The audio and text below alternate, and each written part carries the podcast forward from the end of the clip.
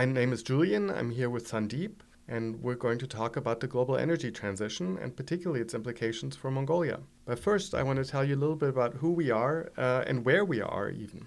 We are deep in the basement of a building on the campus of the University of British Columbia, and that means we're also on the un- ancestral and unceded and traditional territory of the Musqueam First Nation. We say that at UBC, acknowledging that this land that we're here on actually belongs in many ways uh, to a First Nation here in Canada, and that this has been a place of learning for them, and that we're continuing that tradition in some ways at least.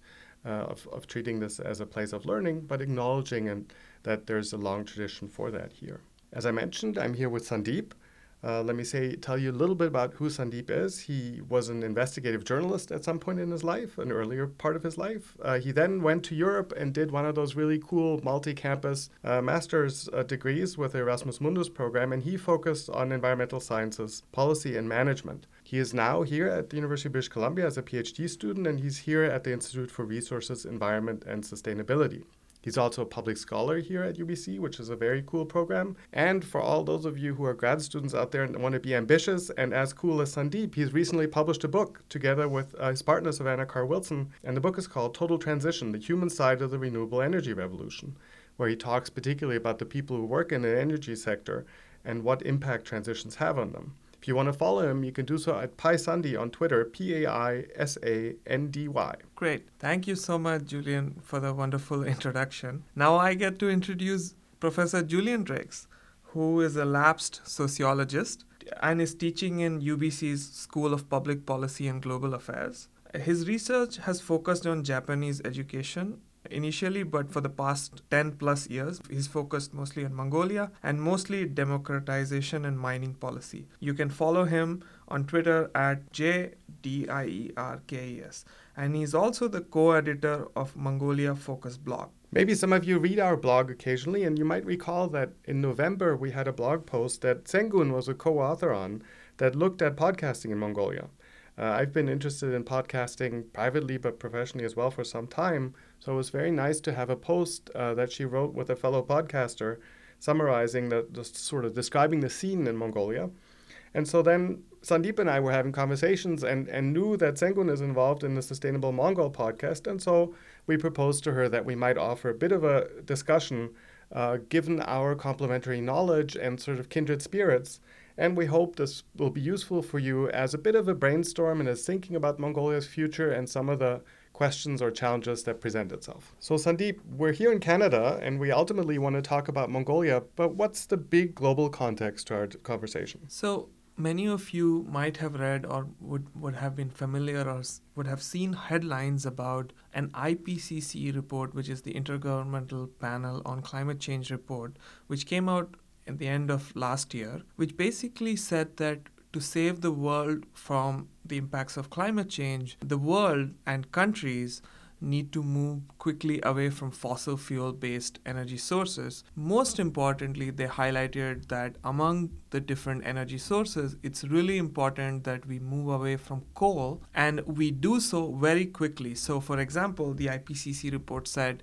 that in the next 10 to 12 years by 2030 we need to move away from coal by 80%. So coal needs to decline by 80% and then by 2050 coal basically coal as an energy source needs to be completely eliminated. And is coal generally growing around the world? Is it declining by itself? Who is using all this coal? So coal as an energy source is predominantly currently limited to the electricity sector and many countries use coal and there are like big players like China, India, US, many European countries and now this coal is growing in Southeast Asia and so on. So overall it's contradictory that an IPCC report came out which talked about you know an energy transition and completely tra- complete transition away from coal.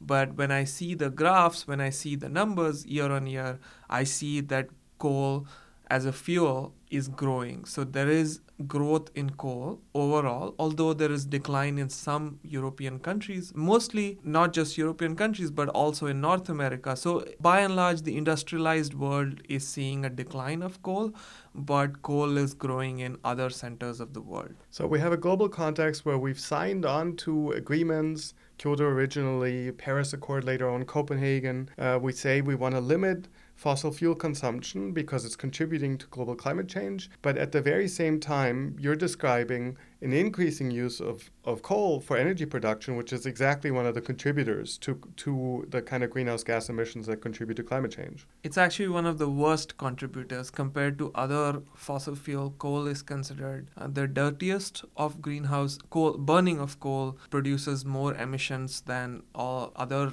fossil fuel sources. So, coal, one of the things uh, is that to fight climate change, among other sources, of course, all, we need to move away from natural gas and also oil and so on.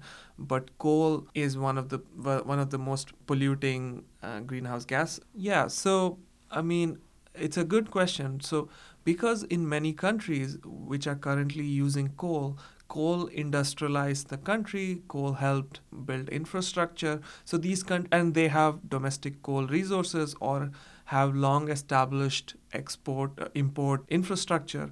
So these countries are sort of moving in inertia and completely dependent on coal. Now in many countries uh, such as india china us coal also provides a lot of jobs. Coal provides coal has helped regional development. So it's also sort of inertia and there is both the technical side of things there's the economics and but also there is the question of jobs and revenues and so on. So that's a little bit of the global picture. You mentioned Sandeep that that um, there's many different situations for different countries. The distinction maybe between developing and highly industrialized countries would be one of those, but that there's even national circumstances. So as you all can hear from my accent, I'm German originally, and so I was particularly interested recently in the final report that the so called Coal Commission in Germany published. Uh, so, can you tell us a little bit about what exactly was in that report? Absolutely. So, there was a 31 member Coal Commission basically set up by the German government to look into and provide recommendations of how Germany,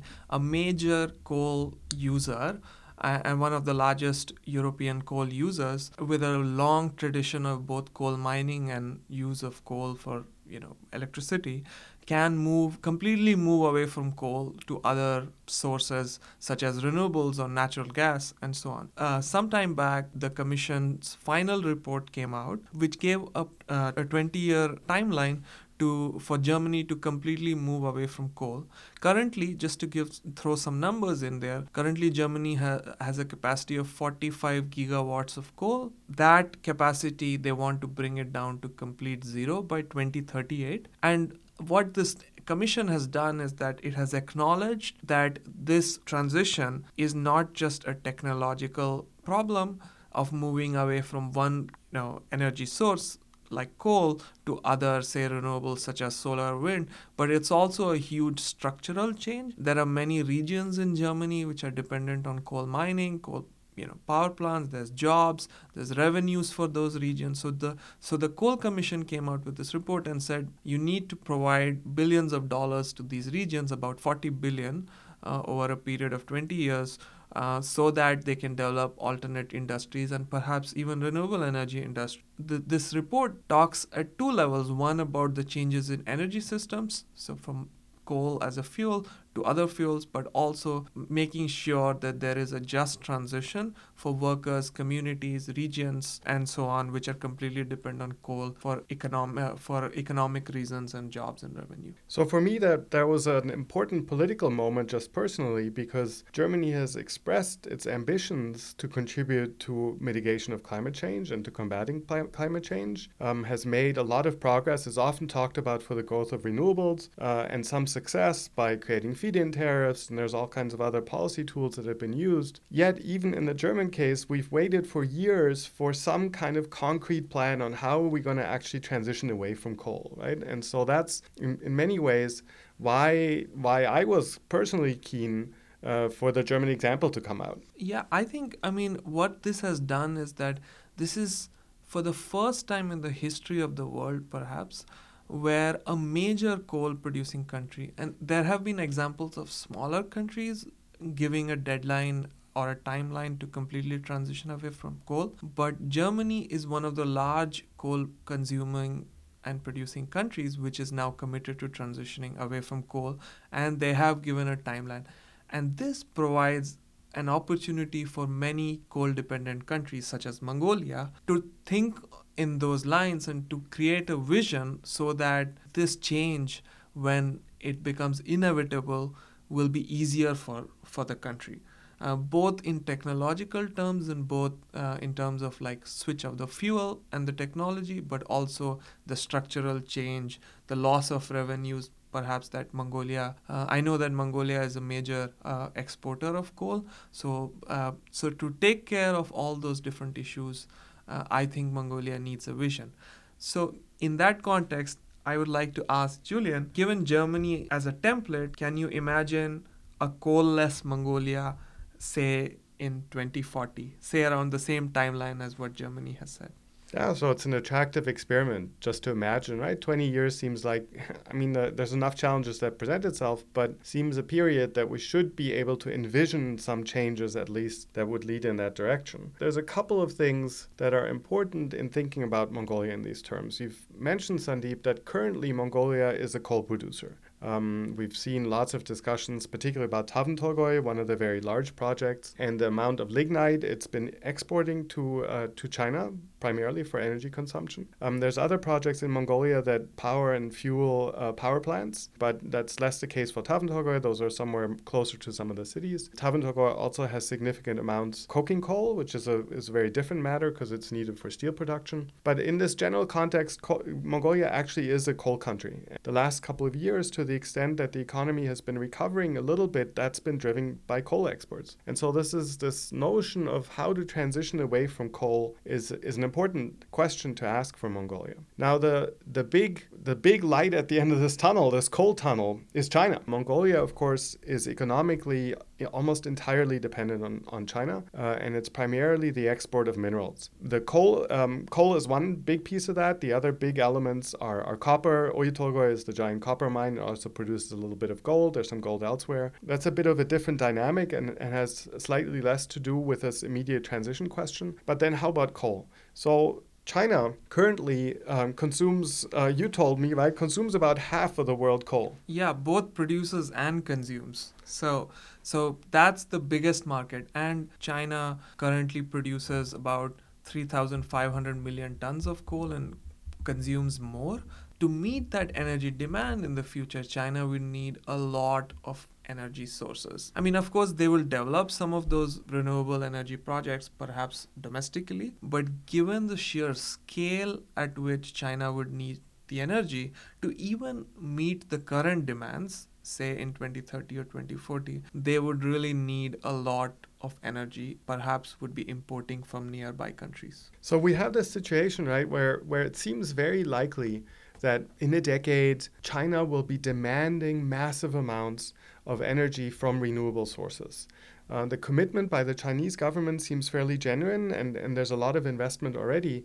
And so, in some ways, that's a pretty safe prediction, I think, to say that the demand is going to grow significantly and massively. So, what options does does the Chinese government, does the Chinese economy have in this regard? Well, I mean, there's renewables that they'll be building in uh, in China itself.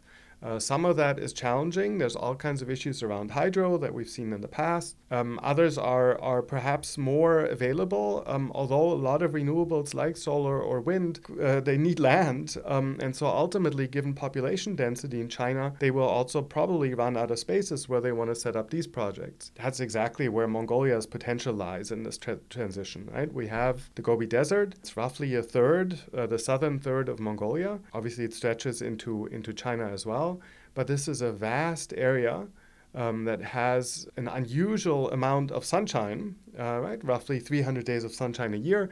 Uh, sometimes in the gray winter of Vancouver here in Canada, we wish we got a bit more of that, but the Gobi Desert and Mongolia generally has a lot of it. And the other piece is land. Population density, of course, is extremely low in uh, Mongolia. That needs addressing, and the extent to which solar projects also need territory and land needs addressing. But in principle, the conditions are relatively good. And the final piece to that is uh, China is close by. If it were possible to produce energy, for example, through solar and wind projects in the Gobi, uh, imagining the sale uh, for export of energy then into China seems like quite an economic opportunity. And so, in some ways, we talked earlier about the German report, and we think of Germany maybe as a best case scenario where the technology is available, um, in some ways, the money is available, the political will is available. So, those are all conditions under which we imagine a transition should be more possible than elsewhere, we have a different set of conditions in Mongolia that makes us think maybe the transition is possible there as well. And that's primarily that energy could actually be an export product for Mongolia. Yeah, and I just want to add one thing that I was running the numbers for Mongolia and I saw that, I mean, the population of Mongolia is low.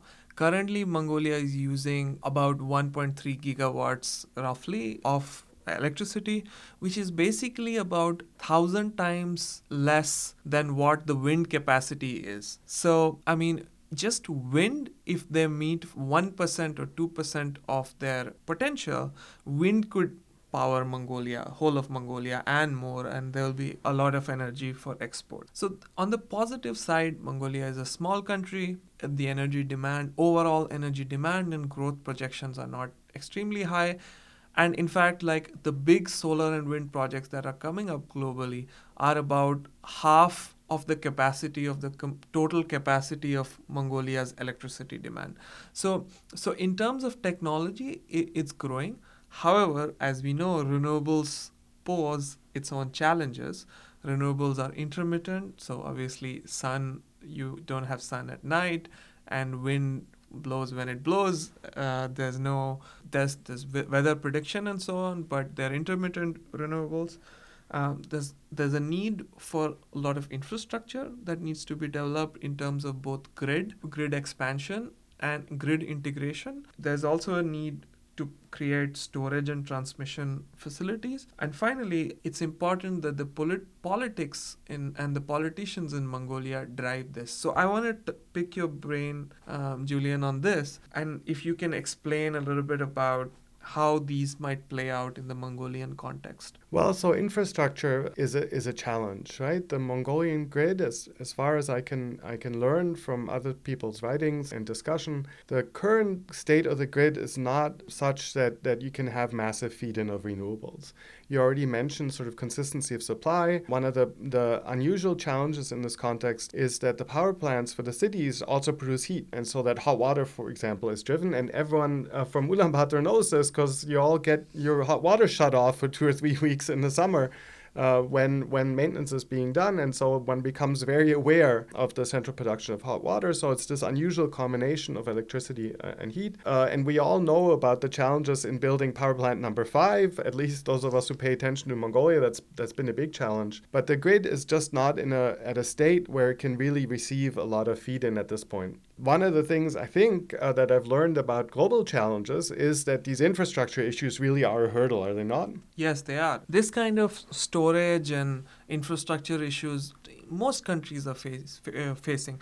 I'll talk a little bit about India, although different, but is also not an industrialized country, so some of that might apply for Mongolia. Now, India is also a coal dependent country. India's only domestic source is coal uh, in terms of fossil fuels, but India also, like Mongolia, has very good solar resources and also to some extent good renewable other renewable resources such as wind. In that context what india is facing is this problem of intermittency and and the pressure that creates on the grid. So what india is doing is that it's trying to expand the grid and make the grid more interconnected. So how that helps is when you make a grid interconnected if sun is shining in one area and you're producing extra electricity, you can transport it to the other area uh, where there is no sunlight or there is no uh, wind blowing, so that whatever energy or electricity you're producing can be transported to the other parts for use. You also asked about political inertia, and I, I, think that's that's a really interesting question to think about. What are the actors that are relevant in that regard?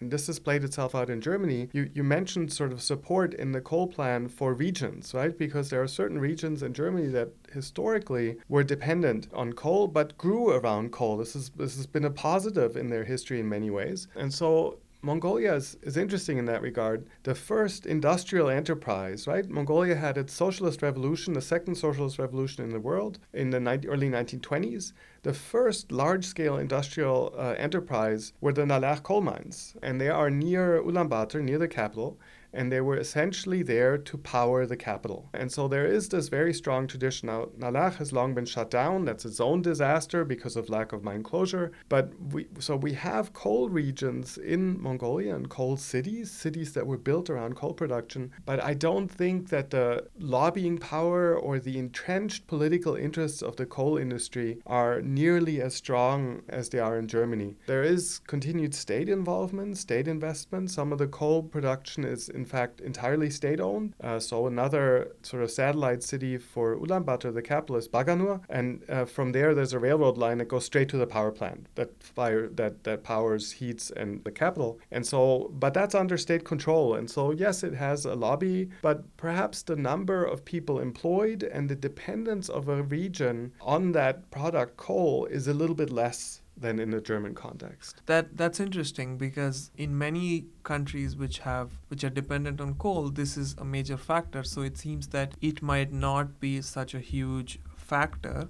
in Mongolia. However, I noticed that uh, Mongolia has a lot of export revenue from this. Do you see the development of renewable energy as sort of filling that export revenue gap if developed and ex- and this electricity exported to ch- countries like China. I think that's exactly one of the keys, right? That that in our conversations we focused on a couple times. There's a real possibility here for Mongolia to have the this transition financed by, but also made less disruptive for employment, for the national economy, because of this potential for, for export revenue one thing we haven't talked about in this context that also is air pollution, right? I, I, learned from you that, that Mongolia is one of the few places that remains in the world where private households actually consume coal for heat and, and uh, cooking. Anyone, I mean, it's fortunately now uh, it's getting to be spring. Even Ulaanbaatar is probably looking forward to some warmer temperatures, but the winter is awful. It has been dire this year, right? Kids have been taken out of school because of air pollution. It's a huge problem.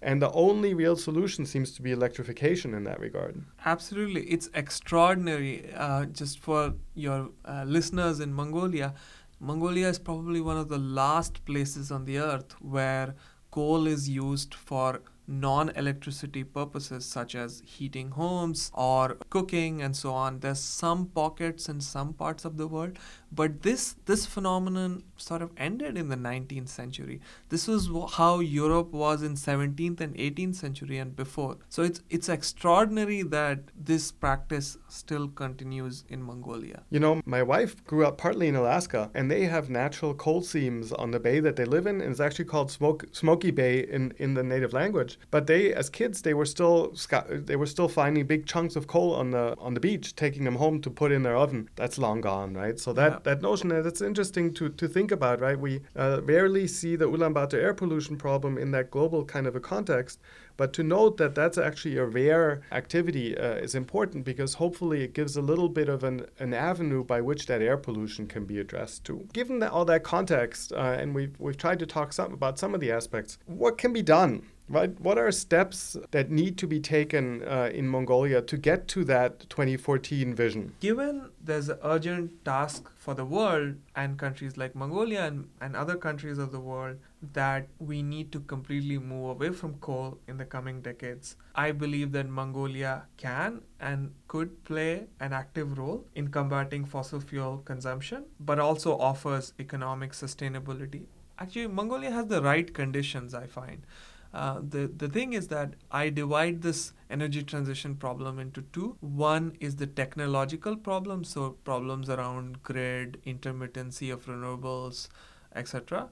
And the other challenge is the political challenge whether politicians, uh, with the support of people, will actually be interested in moving away from coal. Given that Mongolia is a small country, their energy demand is less, and the fact that China is so close to Mongolia and their energy demand would be more, uh, Mongolia perhaps has the right conditions technologically. And as the technology improves globally, it, Mongolia will also benefit from that if they are ahead of the curve. So, given these right conditions, I think technologically it's possible. In big coal consuming countries, one of the challenges of moving away from coal is the political problem that fossil fuel industries and fossil fuel workers and uh, communities who are rightly affected by transition away from coal um, sort of try to stop this transition, try to hinder, elect politicians who are pro coal. But it seems that from our discussion that in Mongolia, that political inertia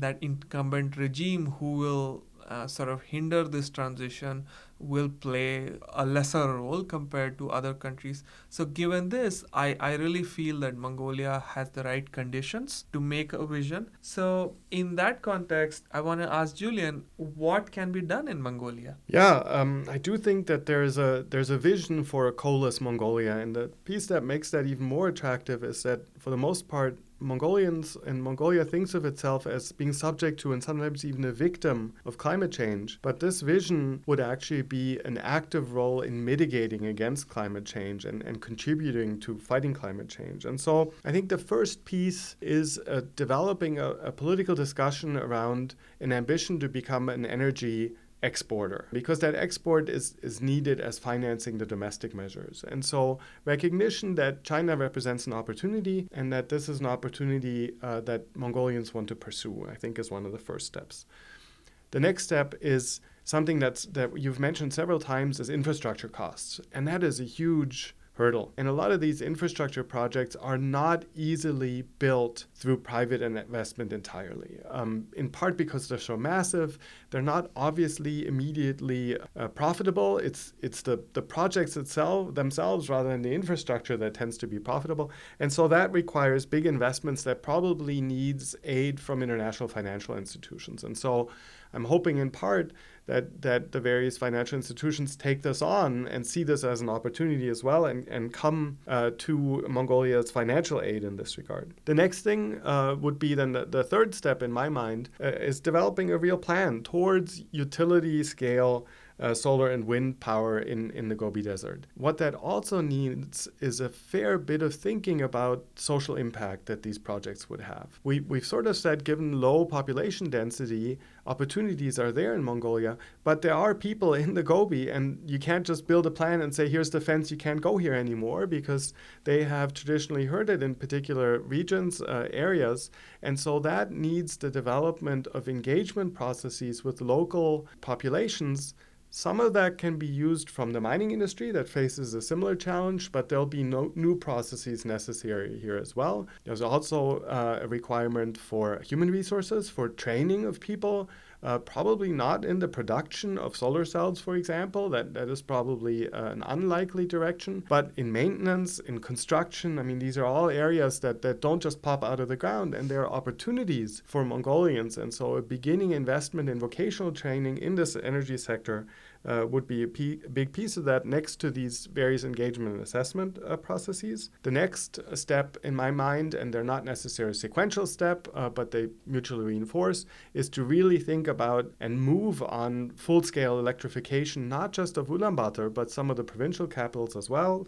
Uh, and with all that implies in terms of the local grid and in terms of helping people transition from cold stoves to electric heaters, for example, the water heat needs to be thought about in terms of sanitation and water supply more generally. That piece, though, makes this whole proposition a win win because that is such an urgent need for Mongolia, the, the air pollution to be addressed. So that's a piece in there. And then the final piece we've also hinted at a little bit is, is what you've called a just transition, right? A plan for a just transition. How can we bring a sense of justice in terms of employment opportunities, regional balancing, and the like into this process? Yeah, I think, I mean, just transition comes from uh, the word justice, right? So, justice should be at the center of this vision of Mongolian energy transition. Justice for coal workers, justice for households so that their energy prices do not jump up by the deployment of uh, renewables. So, given there is a just transition framework globally, given there is best practices, I think Mongolia can learn about just transition of how to develop their economy, provide good jobs, generate revenue, as well as help take bold climate action by transitioning away from coal. And the future will be a happy future. Sandeep, I've enjoyed our discussion a lot. I've learned a lot. Um, I hope listeners have as well. Um, just to finish off, any recommendations of podcasts that you listen to in English that are on these topics? If some of the listeners want to follow up a bit more, learn a bit more? Yes, of course. My research and my interests are about eh, global energy transitions, but I also look at national energy transitions. And I listen to a podcast called Columbia Energy Exchange, which is really good. And the second one I listen to is the Energy Transitions Show. So, any one of you thinking about Mongolia's non coal future, you can uh, log into these two podcasts because they give a really good perspective of what is happening uh, about some of the topics we discussed globally uh, in the global context. But I, now that I, I learned more about Mongolia, I see that a lot of them can be applied in the Mongolian context and as well. How about you, Julian? What are your favorite podcasts? So, obviously, an energy transition has a lot of international relations implications. We've mentioned China a fair bit. There's a real Asian context to all of this. I mean, we could even go further. This would be a very different topic. But to think about North Korea as you will, maybe a block towards a Northeast Asian energy region. So, there's a lot of geopolitics involved. And one of the podcasts I've been listening to the longest is put out by The Diplomat, which is an online magazine. And the podcast is called Asian Geopolitics. It does doesn't mention Mongolia as often as it should. I've written for them before, I haven't talked to them, but it does talk a lot about that geopolitical context in Asia, and I think that that's an important backdrop, background to this um, this general discussion. So I listened to a lot of other podcasts. One of the things that I learned it's it's tradition um, to let people know how they can learn more.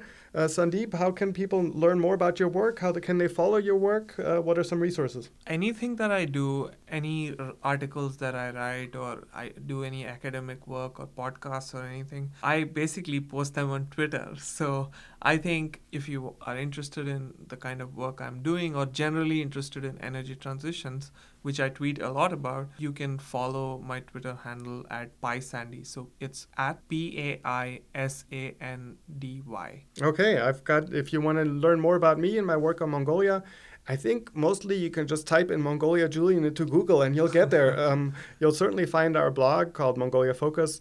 Um, I'm also quite active on Twitter, as Sandeep is. Um, you can follow me on Twitter at J D I E R K E S, at J Dierkes. Thank you so much for listening, and uh, we're looking forward to a bright future.